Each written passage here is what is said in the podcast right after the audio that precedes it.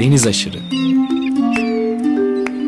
Bozcaadalılar, adaya yolu düşenler ve adanın kıyısına vuranlar. Hazırlayan ve sunan Deniz Pak.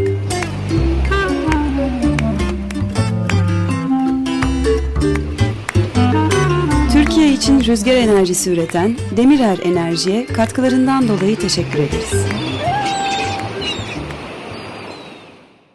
95.0 Açık Radyo'da yeni bir Deniz Aşırı programından herkese merhaba. Bu hafta normalde yüz yüze Bozcaada'da program yapmayı çok sevdiğimiz, geçmiş yıllardan bugüne bu programı dinleyen dinleyicilerimizin de hatırlayacağı Ayfer Tuzcu Ünsal ile bir arada olacağız. Normalde dediğim gibi yüz yüze yapmayı çok tercih ederdik ama bugünün salgın koşulları, hava koşulları şu anda lapa lapa kar yağıyor karşımda pencereden e, Bozcaada'ya bakarak bu programı gerçekleştiriyor olacağım. Telefon hattımızda Ayfer Ünsal e, var ve kendisi Arsuz'da, Hatay'da. E, bugün ilginç konular konuşacağız. Sizin için bizim konuşmayı sevdiğimiz konular seçmeye çalıştık. Fırat Nehri'ndeki adalara kadar uzanacağız bugünkü programımızda. Ayfer Hanım hoş geldiniz. Siz de biz de programa hoş geldik. Ee, hoş bulduk Denizciğim. Böyle kar e, söylüyorsun. Arsus, e, Hatay tabii çok ılıman bir yer. Evi de biz bayağı bir yalıttık. Burada tabii kar yok. Hatta dışarıda demin yürüdüm. Havada böyle güneşlik falan değil tabii. Burada da yağmur yağıyor ama soğuk değil. Yani üşümüyorsunuz. Hani bir kalın bir yelekle gezebil gezebileceğiniz veya ince bir yağmurlukla gezebileceğiniz bir hava var. Evet aslında birkaç gün öncesine kadar buralar da böyleydi. Ama Akdeniz tabii her zaman farkını hissettirecektir diye düşünüyorum. Akdeniz'de herhalde yağmur yağdığında, hava biraz kapandığında kış hissediliyor değil mi kışın? Ee, güneş açtığı anda da yaz mevsiminde gibi oluyorsunuz. Evet ben hayatımda ilk defa e, böyle e, ılıman bir iklimde kış geçiriyorum. Hani Arsus tabii ki benim 41 seneden beri sürekli yazları geçirdiğim veya 5 ay 6 ay geçirdiğim bir yer. E, ama kış çok daha fazla oluyor. O kadar keyif alıyorum ki anlatamam. Aslında burası çok küçük bir yer. E, hatta bazılarına göre hiç gelişmemiş. İyi ki de gelişmemiş. E, son derece doğal. İnsanlar da öyle. Yani hiçbir şeyin e, sahtesi yok burada. Ağacımdan limon koparıp çayıma daldırmayı veya ada çayı içmeyi çok seviyorum. Gerçekten öyle güneş açtığında hep zaten dışarıda kalıyoruz. Yani akşam tabii hava soğuyor. E, son müsaade edinceye kadar biz dışarıda geçiriyoruz güneş açtığında. Çok güzel. Keyfiniz daim olsun. Bugün sizin katkıda bulunduğunuz bir kitabın hikayesini konuşarak başlayalım isterseniz programa. Gündemimiz oldukça yoğun. Aleksan Bezciyan'ın e, hikayesini aslında bir yandan dinleyeceğiz. Yanında da birçok konu var. Hatta bugünlerin güncel konularından da birisi. Evet.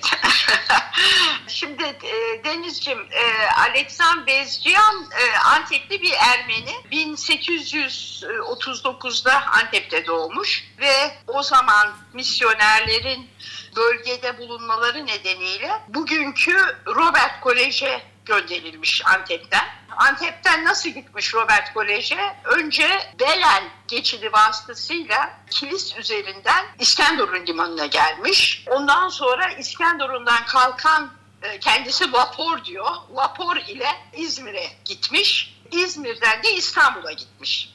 Bu yolculuk 40 gün sürmüş. 40 günün sonunda İstanbul'a varmış ve Cyrus Hamlin'le buluşmuş. Cyrus Hamlin o zaman onu bekliyor. Şeyi eksik söyledim 39'da doğmuş. Bu olay 1852'de oluyor şeye gitmesi. Kendisi bebek mektebi diyor. Resmi şeye de baktım kayıtlara. Aslında Robert Kolej 1863'te resmen açılmış ama 1840'lardan 1863'e kadar Robert şey Bebek Mektebi diye daha çok yerli misyoner ve Ermenilerin kurdukları orada aynı yerde bir okul var. O detaylara girmeyeyim. Ama ben bugün ona tabii ki şey diyorum. O Bebek Mektebi diyor. Yani Robert Kolej'in istersen ne diyelim ilk kuruluş aşamasında gitmiş, orada okumuş. Şey bazı şeyler söyleyeceğim. E, ben tabii İstanbullu değilim, Antepliyim. E, ama e, çoğu insan bilmez herhalde. İstanbul'un kendi içerisinde yol yok. Yani şeyden Taksim'den şeye bebeğe gitmek için kayığa binmek zorunda. O kayıklar da sanıyorum böyle iki kişilik falan. Çünkü bayağı detay vermiş. Ondan sonra ve yazık 2-3 sene orada kalmış. Yazık dedim çünkü hiç dışarı çıkmamış Deniz. Yani geri herhalde İstanbul'un içinde belki gezdi de ama Antep'e falan gelmesi söz konusu değil. Yani bir gitmiş e, mezun olduktan sonra gelmiş. Orada e, dikkatimi çeken e, aslında güldüğüm ama biraz da hüzünlendiğim bir şey var. O da bu Antep'ten giderken üzerinde zıbın ve ayağında e, nalın var. Biz Antep'te ona habbap deriz sanıyorum Arapça bir kelime. Yani düşün ayakkabısı bile yok. Anlatabiliyor muyum? Yani öyle bir e, şey. 19. Bir... yüzyıl Türkiye'si. E... Evet 19. yüzyıl Türkiye'si. Orada çocuklar bununla alay ediyor tabii denize girin, e, şey e, sınıfa girince. Sadece Hamlin'i bizzat götürüp sokuyor sınıfa.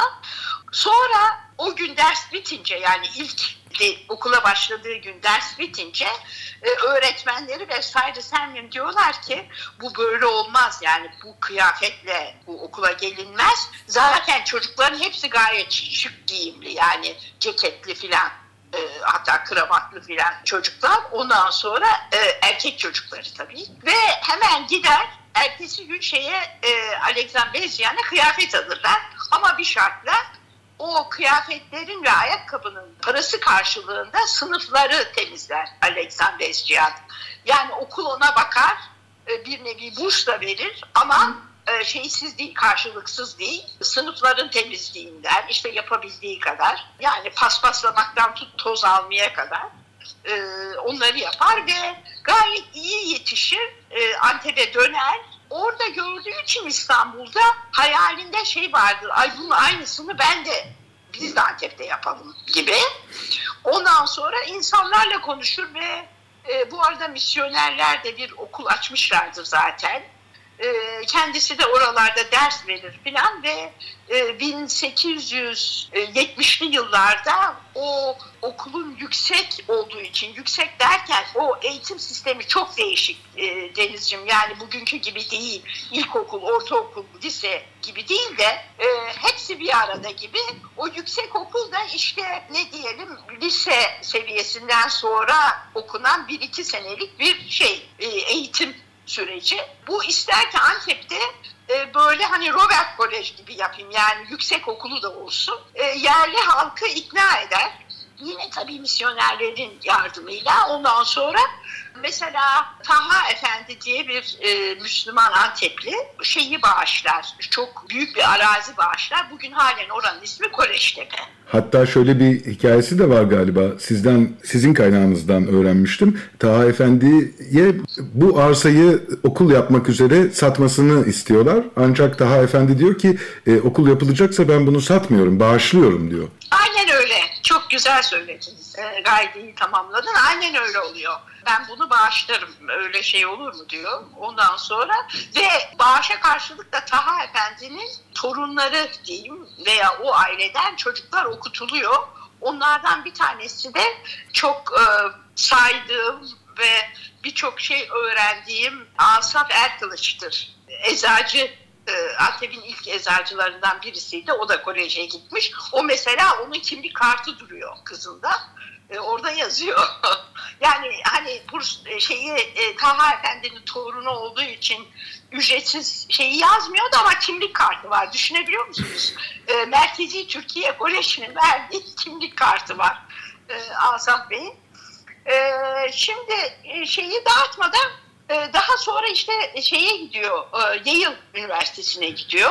İsterseniz ee, bir saniye Yale Üniversitesi'ne gitmeden Aleksan Bezcihan, ben en başa bir dönmek istiyorum. 1860'lı yıllarda Aleksan Bezcihan'ı e, Robert Kolej'e gitme motivasyonu nereden geliyor ya da kim gönderiyor, nasıl Şimdi oluyor, şöyle, o hikaye nasıl? E, ha o hikaye çok güzel bir soru sordum.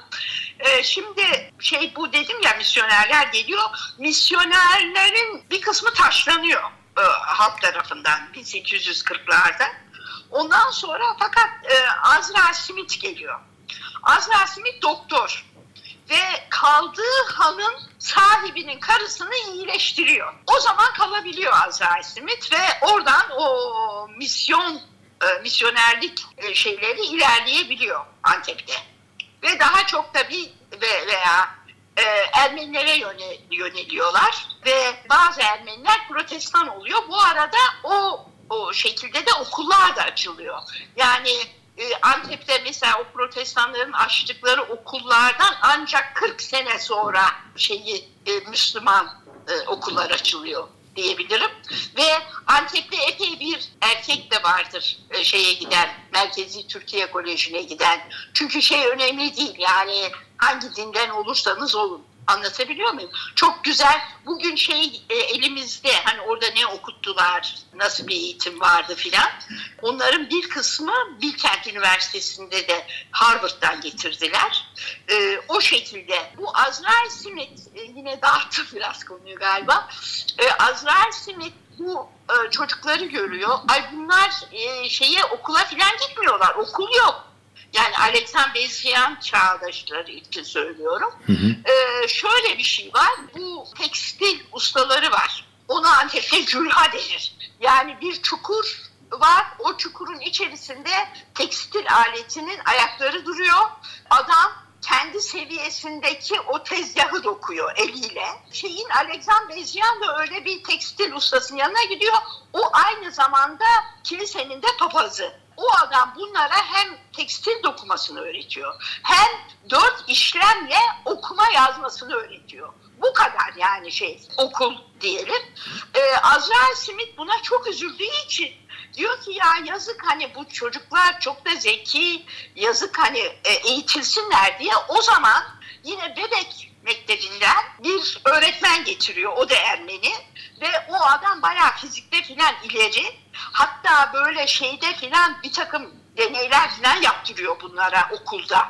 Ee, Yani daha doğrusu şöyle sınıfta. Çünkü okul yine yok. Mesela bir evin bir odası veya bir kimsenin bir odası gibi. Anlatabiliyor muyum? O şeyin soyadı da İsrail'den gelen öğretmenin. Şimdi o zaman tifüs var. O öğretmen de tifüse yakalanıyor. Ve ölüyor. Ee, ölünce bu sefer yine e, Azrail Smith diyor ki ay e, hani bir eğitime başladık yazık bu yaz, e, şey kalmasın yarım kalmasın diye o gönderiyor şeyi e, Alexander Bezyan'ı e, bebek mektebine Robert Kolej'e. Evet, O küçük, şekilde. küçücük e, dokunuşlar ne büyük şeylere sebep Çok, oluyor değil mi? Tabii tabii tabii tabii. Yani şey e, orada şeyi de var yazık. E, bu şimdi kurduğu okul yüksek okulda olduğu için hem lisesi hem yüksek okulu var. Eğitimi yetmeyeceği için yayıla gitmesi öneriliyor. Ve yayıla gidince şimdi kendisi artık Antep'te işte nereden bakarsanız 1856'dan 1870'e kadar filan öğretmenlik yapmış. Çok saygın, çok saygı duyulan filan bir adam. Hem Müslümanların hem Ermenilerin. E, diyor ki kitapta var o. Ya diyor o kadar kötü oldu ki ben geri öğret öğrenci olunca hani hem de Amerika'da bir başka memlekette tabii çok zor oldu diyor. Ve diyor gençlere tavsiye ederim sakın böyle bir şey yapmasınlar. Önce ne kadar okuyacaklarsa okusunlar. Ondan sonra mesleklerini yapsınlar diyor. Öyle de bir şeyi var. Bu arada Azrail Smith'ten de bahsedeyim. Azrail Smith doktor. Doktor olduğu için e, ve çok erken e, yaşta ölünce e, bugün halen Antep'te bir Amerikan hastanesi var. Orijinal adı da Doktor Azrail Smith Amerikan Hastanesi'dir. E, şimdi tabii kiraladı onu Sev Vakfı ama Amerikan Hastanesi diye biliniyor.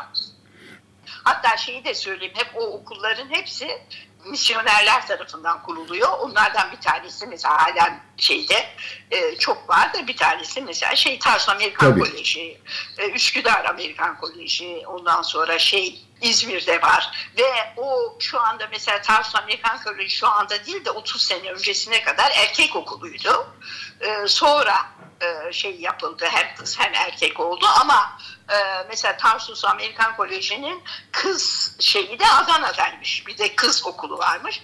O e, onun gibi İzmir'de de bir e, erkek koleji varmış. E, aynı şekilde hatta Adnan Menderes oradan mezun. İzmir'deki o erkek kolejinden tabii Anadolu her yerinde var. Bir bir şey daha söyleyeceğim. Şeyde Anadolu'daki ilk kız yatılı okulu da Antep'tedir. 1862'de e, yatılı öğrenci almışlar çeşitli e, şeylerden, etraftaki illerden hatta Van'dan filan bile gelen var galiba.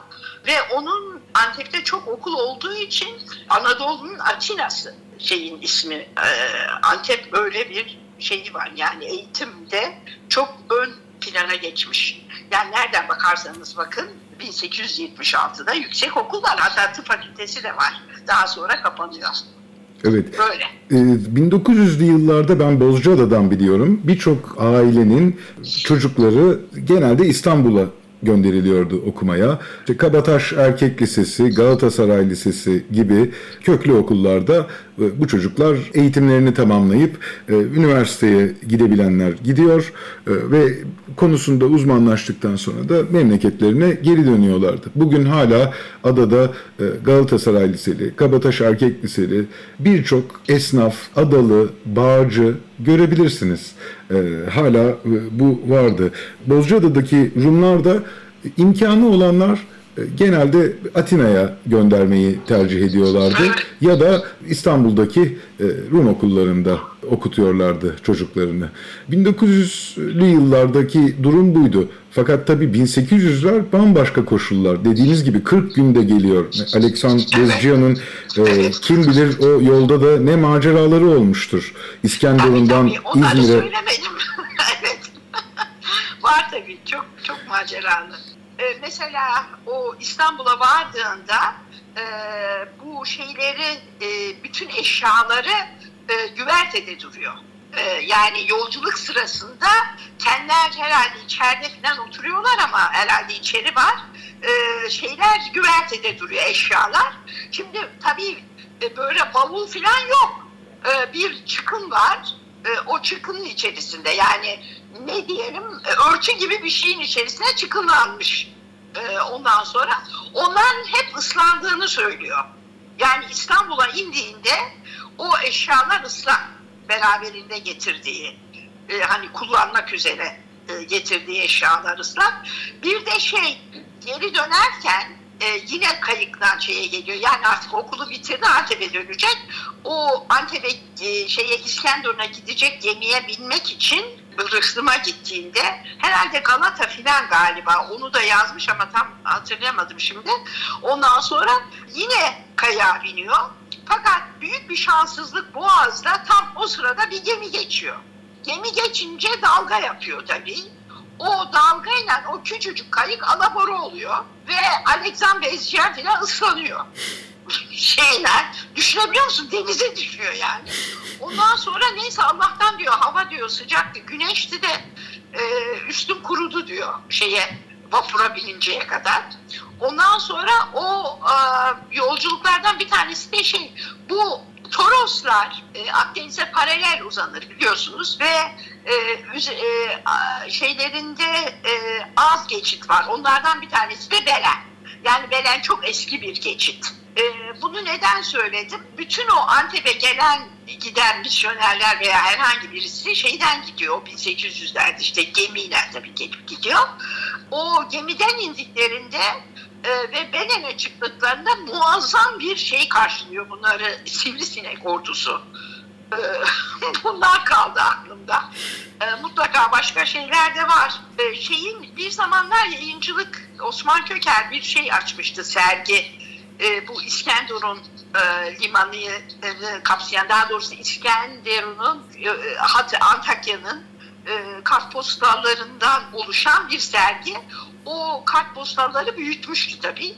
Büyütünce e, birçok detay ortaya çıktı. Onlardan bir tanesi de şeydi benim çok hoşuma gitmişti. Limanda bir şey var. E, Bonmarşe diye bir dükkan var. Dükkanın şeyleri cam duvarları, içindekileri görebiliyorsunuz. Fotoğraf büyüyünce o limanda 1906 yılında İtalya'dan getirilmiş domates salçasının satıldığını da görmüş olduk böylece. Yani tabii e, şey çok önemli bir şey e, liman. E, Tabii. Liman çok daha zengin, daha şey, daha çok kültürlü filan. Tam da bunu soracağım aslında. Bir yandan yan hikayelere de tabii bakabilme imkanımız oluyor anlattığınız e, bu hikayeden. İzmir'den İskenderun'a bugün gemi yok mesela. O tarihlerde mecburi ulaşım aracı olarak, en hızlı ulaşım aracı olarak tabii kullanılabiliyor. Bugün karayolu, hava yolu e, çok daha e, hızlı ve rahat olduğu için artık pek tercih edilmiyor olabilir. Biraz kültürle de alakalı diye hissediyorum. Evet, Evet. oraya 1600'lerde filan pek yolu filan kullanılıyor ya. Evet. E, Osmanlı onların her birinden vergi aldığı için Avrupa e, keşifler yapıp e, pardon e, 1400'lerde e, ondan sonra 1400'lerin sonunda 1500 filan deniz yollarını bir nevi Avrupalı e, şey yapıyor. Yoksa ondan önce kervan var. O vergiyi vermemek için e, deniz yollarını geliştiriyorlar. İşte Amerika'nın keşfi de öyle, Magellan'ın dünyanın etrafında dolaşması filan. Sürekli bir Hindistan arayışı var Batı dünyasında. Evet e, ama çünkü baharat şey gibi petrol petrol yerine sana şeyi de söyleyeyim bu Amerika'nın keşfinden sonra Amerika'ya giden gemiler mal götürüyorlar. Galiba İngiltere kralı veya kraliçesi de 100 e, sterlinlik bir hisse alıyor. E, geri dönüşü ne biliyor musun? O 100 sterlinin 4700 sterlin. Düşünebiliyor musun? Yani ne kadar kârlı. Hani baharat dedin de. Evet, Yani bugünün bitcoin'i gibi bir şey galiba o. gibi ama çok daha eziyetli bir de tabii e, onun içerisinde köleler var. Köle ticareti de var maalesef. Evet, gayet tabii. Yine o e, deniz yoluna de- dönecek olursak e, İstanbul-İzmir gemisi aynı zamanda Bozcaada'ya da uğruyordu. O yıllarda da uğradığını Öyle biliyoruz. mi? Evet. Öyle mi?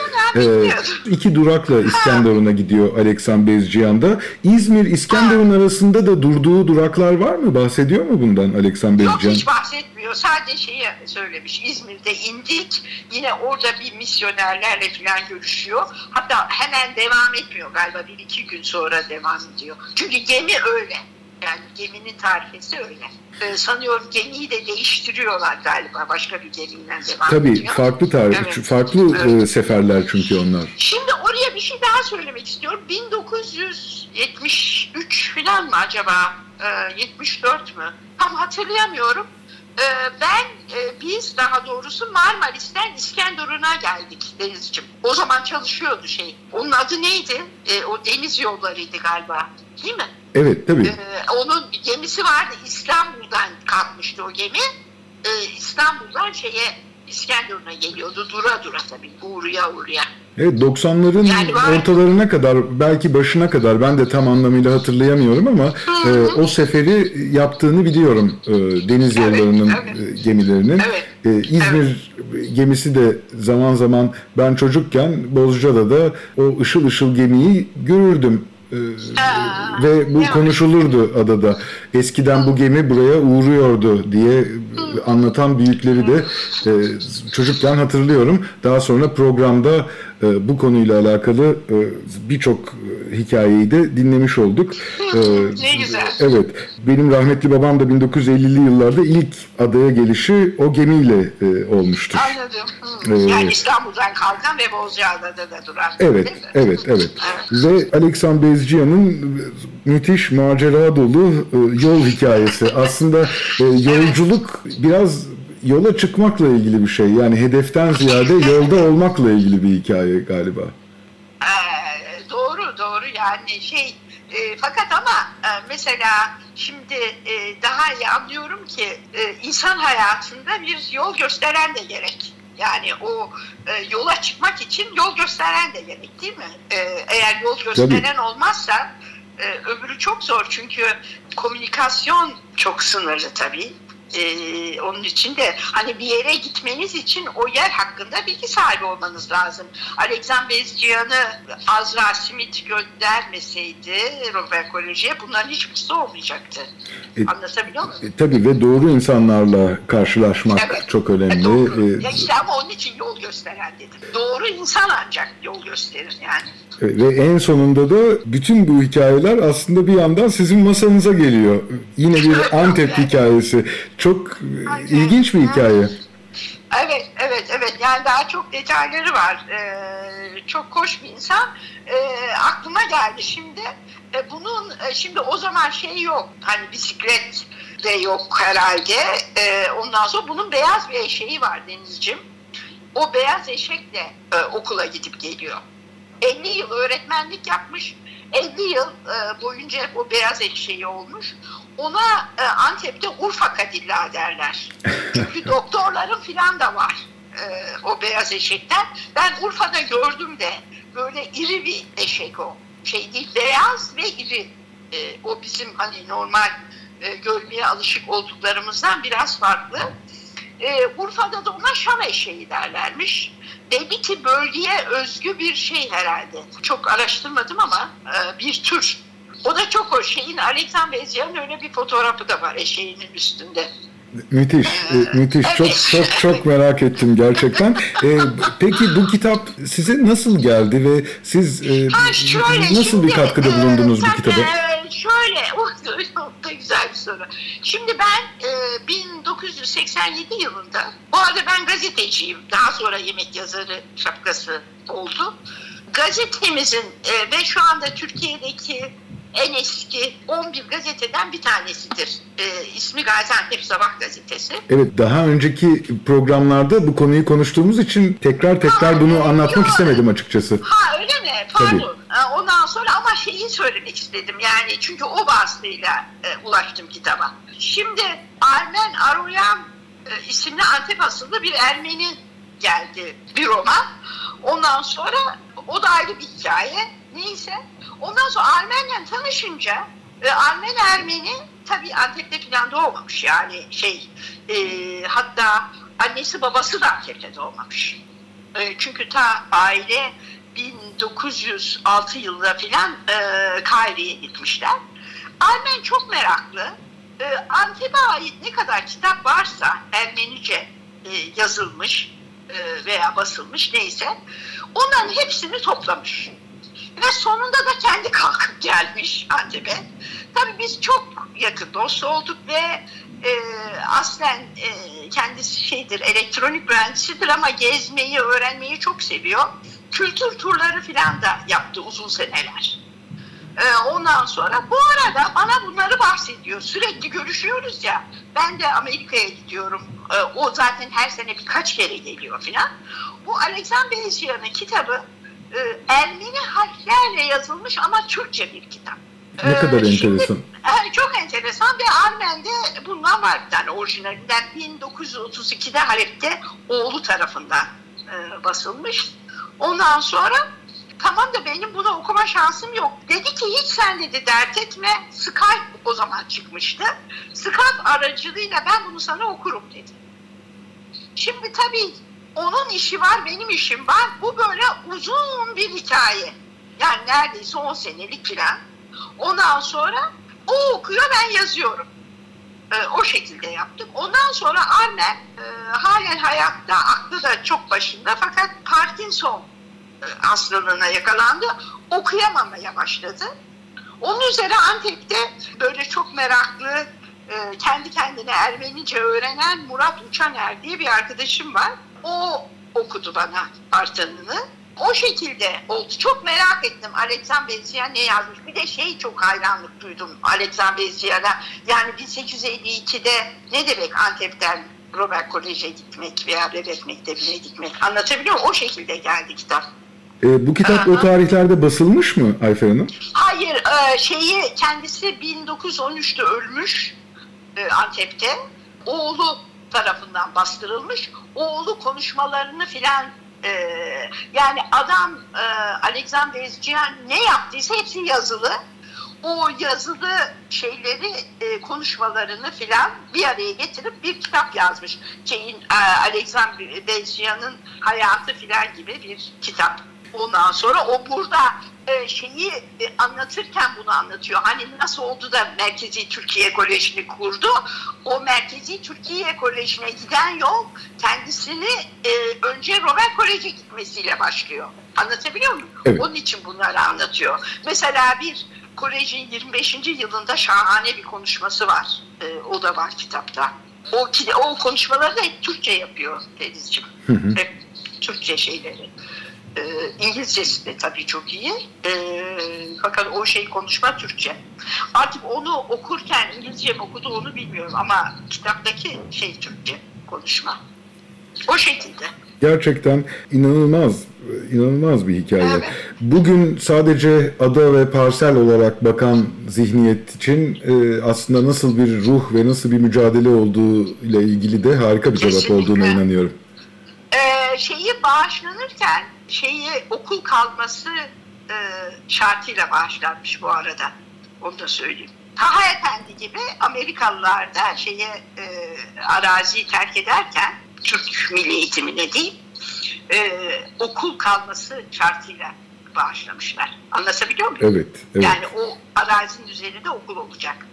Ee, yani Taha Efendi'nin 150 sene önce düşündüğünü Amerikalılar da düşünmüş. Çok iyi etmişler. Çünkü okulun devri galiba 1800, e, 1970'ler falan değil mi? Şeyin yani Robert Koleji'ni veya yani Boğaziçi Üniversitesi'ne giden yol 1970'lerde başlıyor. Evet, Evet. E, o zaman o şekilde devredilmiş. evet. Ee, bunu da yeni okudum. Evet, çok da sevindim tabii. İsterseniz bir müzik arası verelim. Ee, daha henüz konumuz oraya tam gelmedi aslında. Mezopotamya'ya geçeceğiz çünkü buradan. Evet. Ve oradan Fırat Nehri'ndeki adalara bakacağız. Evet. Eğer vaktimiz kalırsa. Biz de o bölgeden parçalar seçtik dinleyicilerimiz için. Ee, Suzan, Suzi ile başlayalım isterseniz. Tamam. İnce Saz'dan e, dinleyeceğiz. E, bu topluluğun önemli seslerinden Bora da e, aynı zamanda Bozcaadalı'dır. E, parçadan sonra da kaldığımız yerden devam ediyor olacağız.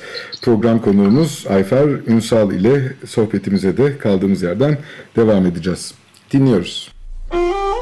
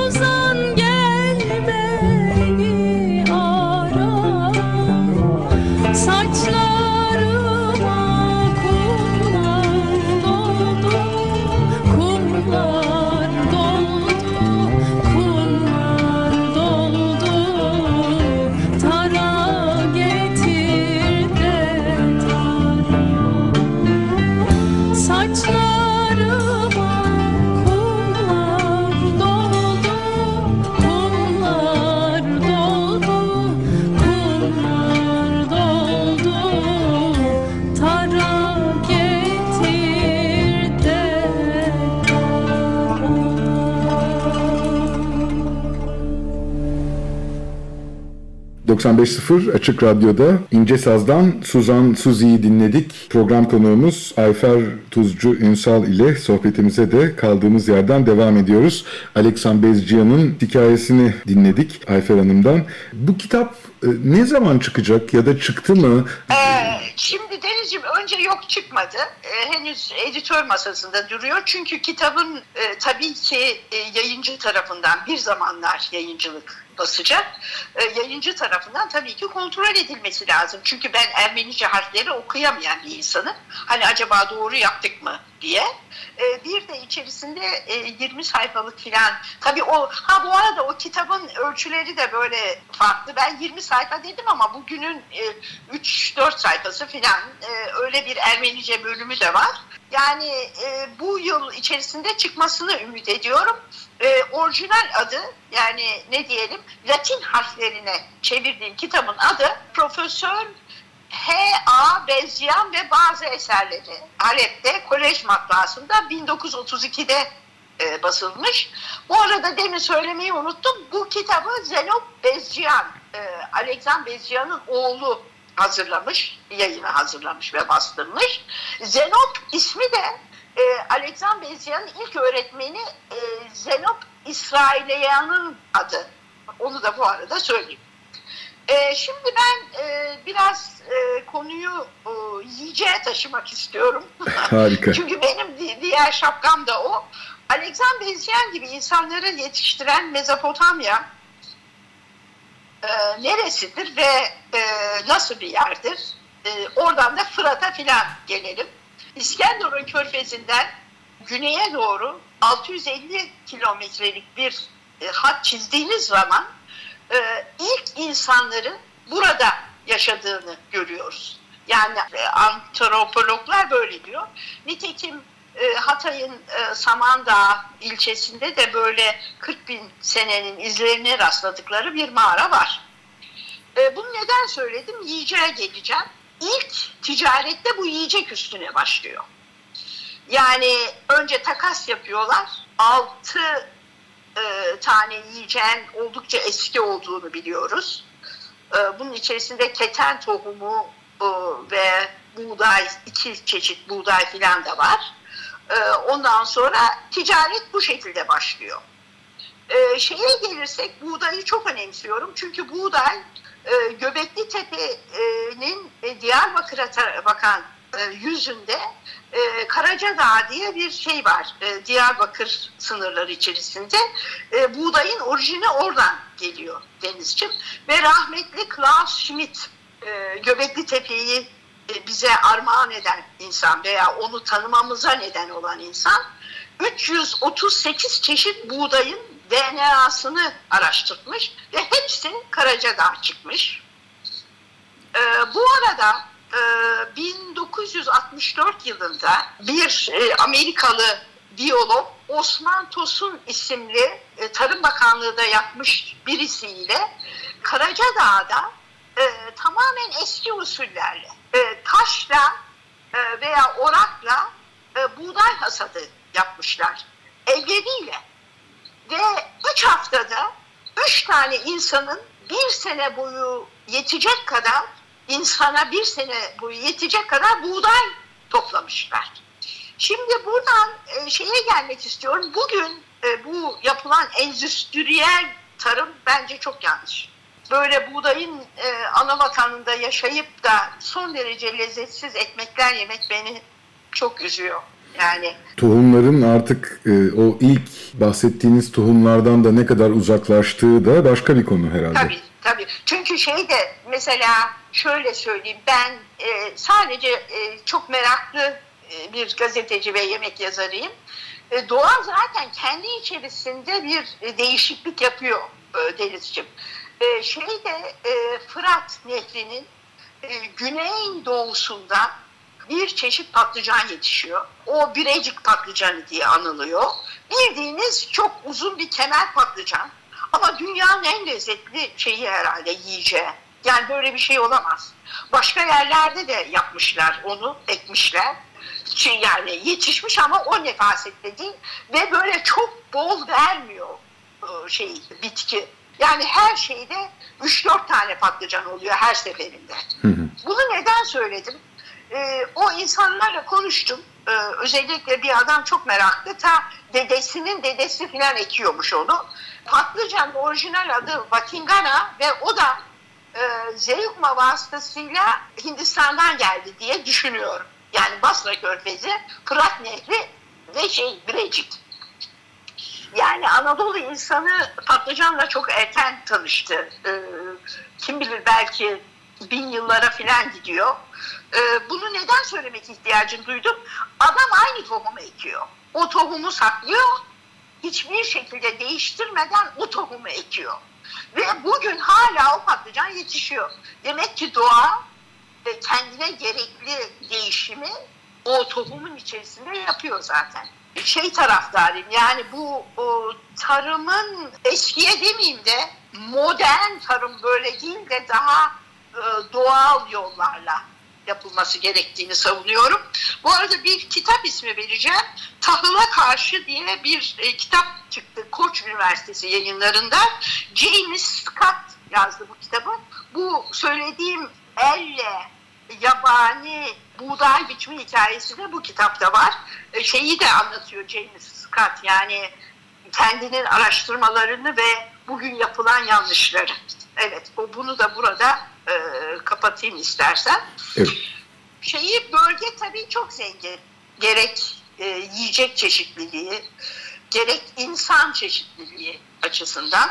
Burada yaşamaktan da çok mutluyum. Bu pandemi döneminde de aslında burası çok küçük bir yer. Zemi ilk girişte de söyledim ama o kadar şey hoşuma gidiyor ki insanlar da çok doğal, bitkiler de çok doğal.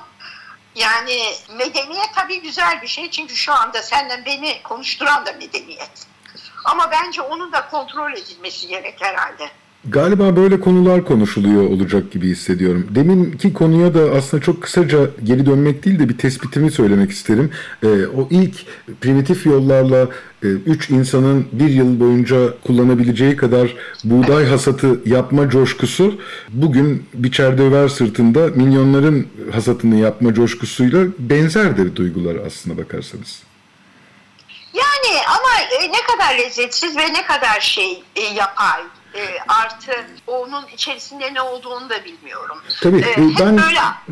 bunu şunun için söyledim. Muhteviyat açısından konuşmuyorum. Yani insandaki coşku açısından bunu söyledim. Evet, evet. O e, öbürü bence çok daha coşkulu bir şey. Yani e, e, şeyi elinizle hasat etmek Tabii. çok daha insana sanki imkansızmış gibi geliyor. Hayır imkansız değil işte yaptılar yani. E, ve birçok insan birçok şeyi yapıyor.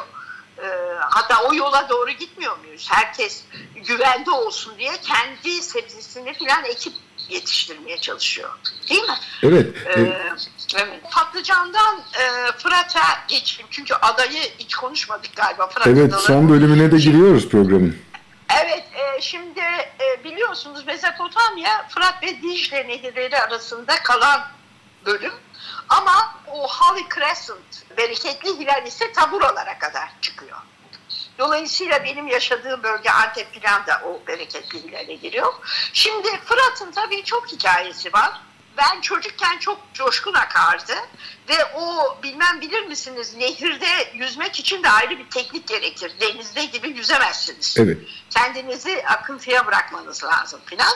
Bunu niye söyledim? Çünkü ben çocukken çok iyi hatırlıyorum Birecik'te ve daha üstlerde yani bugün ana e, şeyin e, Atatürk Barajı'nın e, suları altında kalan böl- bölümlerinde de e, adalar vardı. E, ama o ada derken onun üstünde insanlar yaşamıyordu tabii. Ama adaya şey ekilirdi. Çeşitli yiyecekler ekilirdi. Bir bakıma da çok da şeydir. e, hem yetişmesi kolay, sulamanıza gerek yok. Çünkü tam nehrin ortasında bir ada.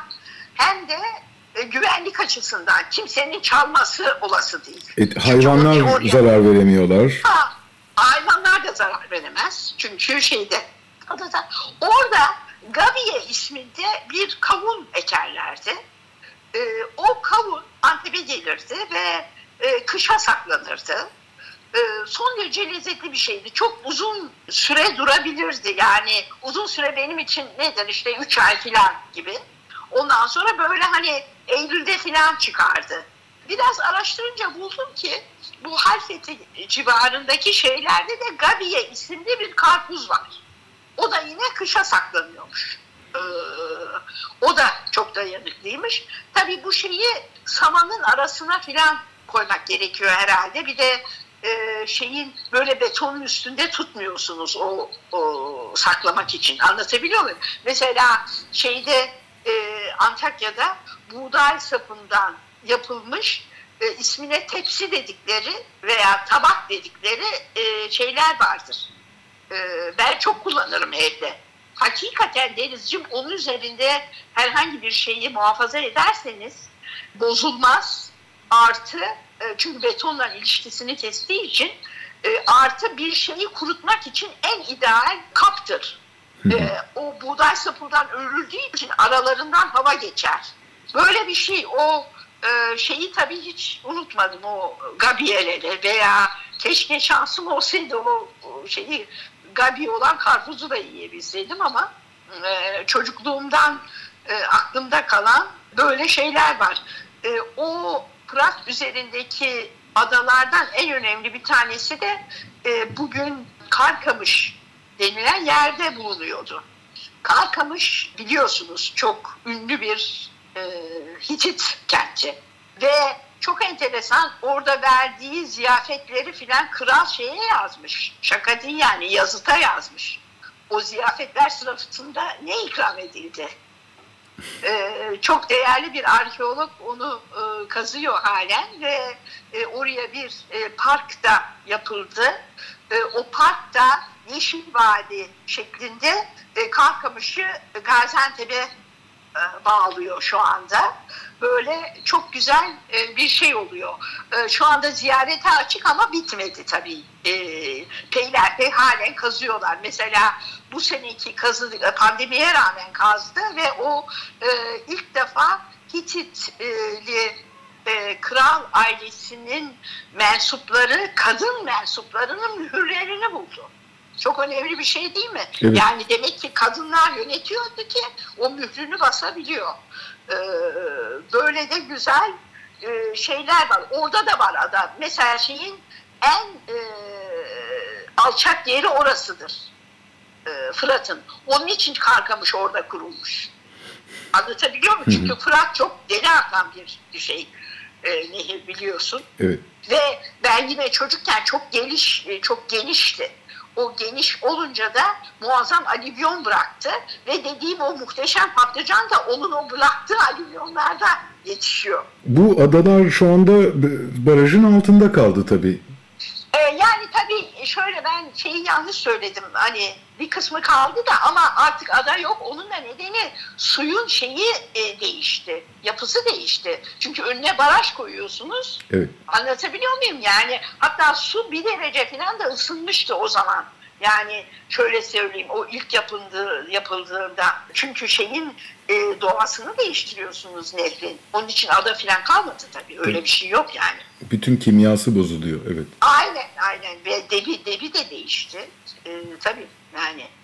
E, şimdi ben şeyi burada e, denizi daha yakından gözlüyorum da bir bakıyorsunuz e, dalgalar muazzam kum yığmış. Bir bakıyorsunuz onu geri çekmiş bir bakıyorsunuz çakıl taşı getirmiş. Ben anlatabiliyor muyum? Yani aynı şey Fırat için söz konusu. O e, kuvvetli debiyle e, adaları büyütüp e, küçültebiliyordu herhalde. Ama e, o şeyi de dikkat edersen bak şeyin e, suların ölü mevsiminde ekiyorlar.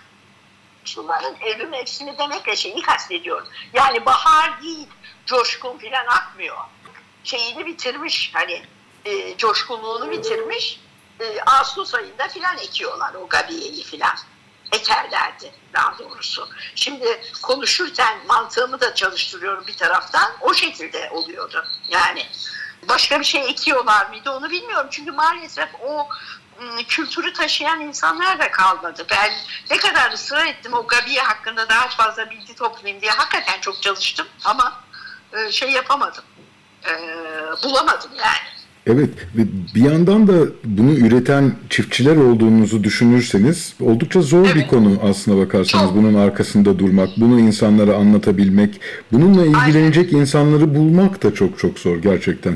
Tabii, Ee, tabii, bitki tarihçileri diyelim genetikçilerin e, ya da arkeologların e, uğraştığı bir e, alan haline geliyor bir anda. Bunların e, hafızalarını tutabiliyor olmak son derece önemli. Programlarda daha önce de bahsettiğimiz Boğaziçi Üniversitesi'nde meyve mirası projesi vardı.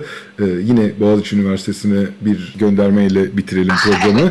E, Boğaziçi Üniversitesi'nde meyve mirası diye bir proje vardı. E, O Evet. proje Türkiye'deki endemik türlerin e, genetik kodlarını saklayan, araştıran ve bunları yeniden çoğaltabilmek ya da kaybolmasını engelleyebilmek amacıyla yapılmış bir projeydi. Şu anda nasıl çalışıyorlar onu bilmiyorum. E, Geçmiş yıllarda bu konuyla ilgili e, konuşmalar yapmıştık programda.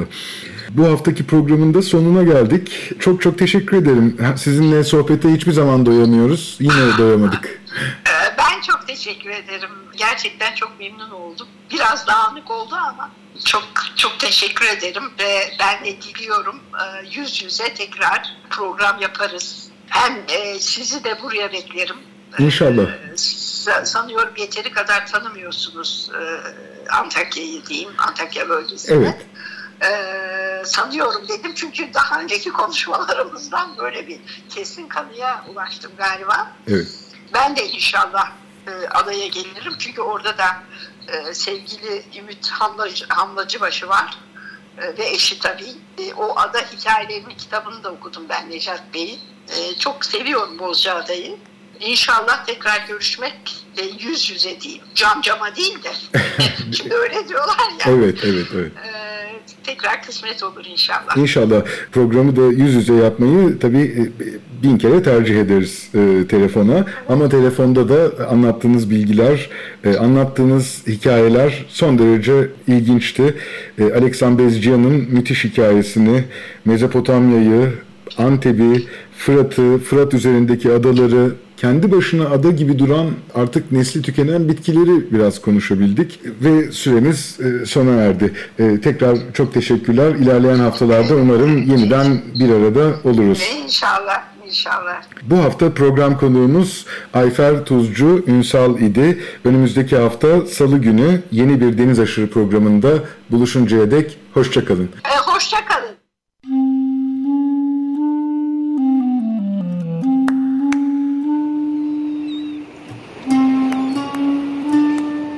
Deniz aşırı.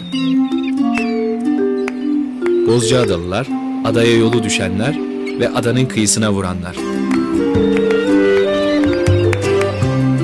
Hazırlayan ve sunan Deniz Pak.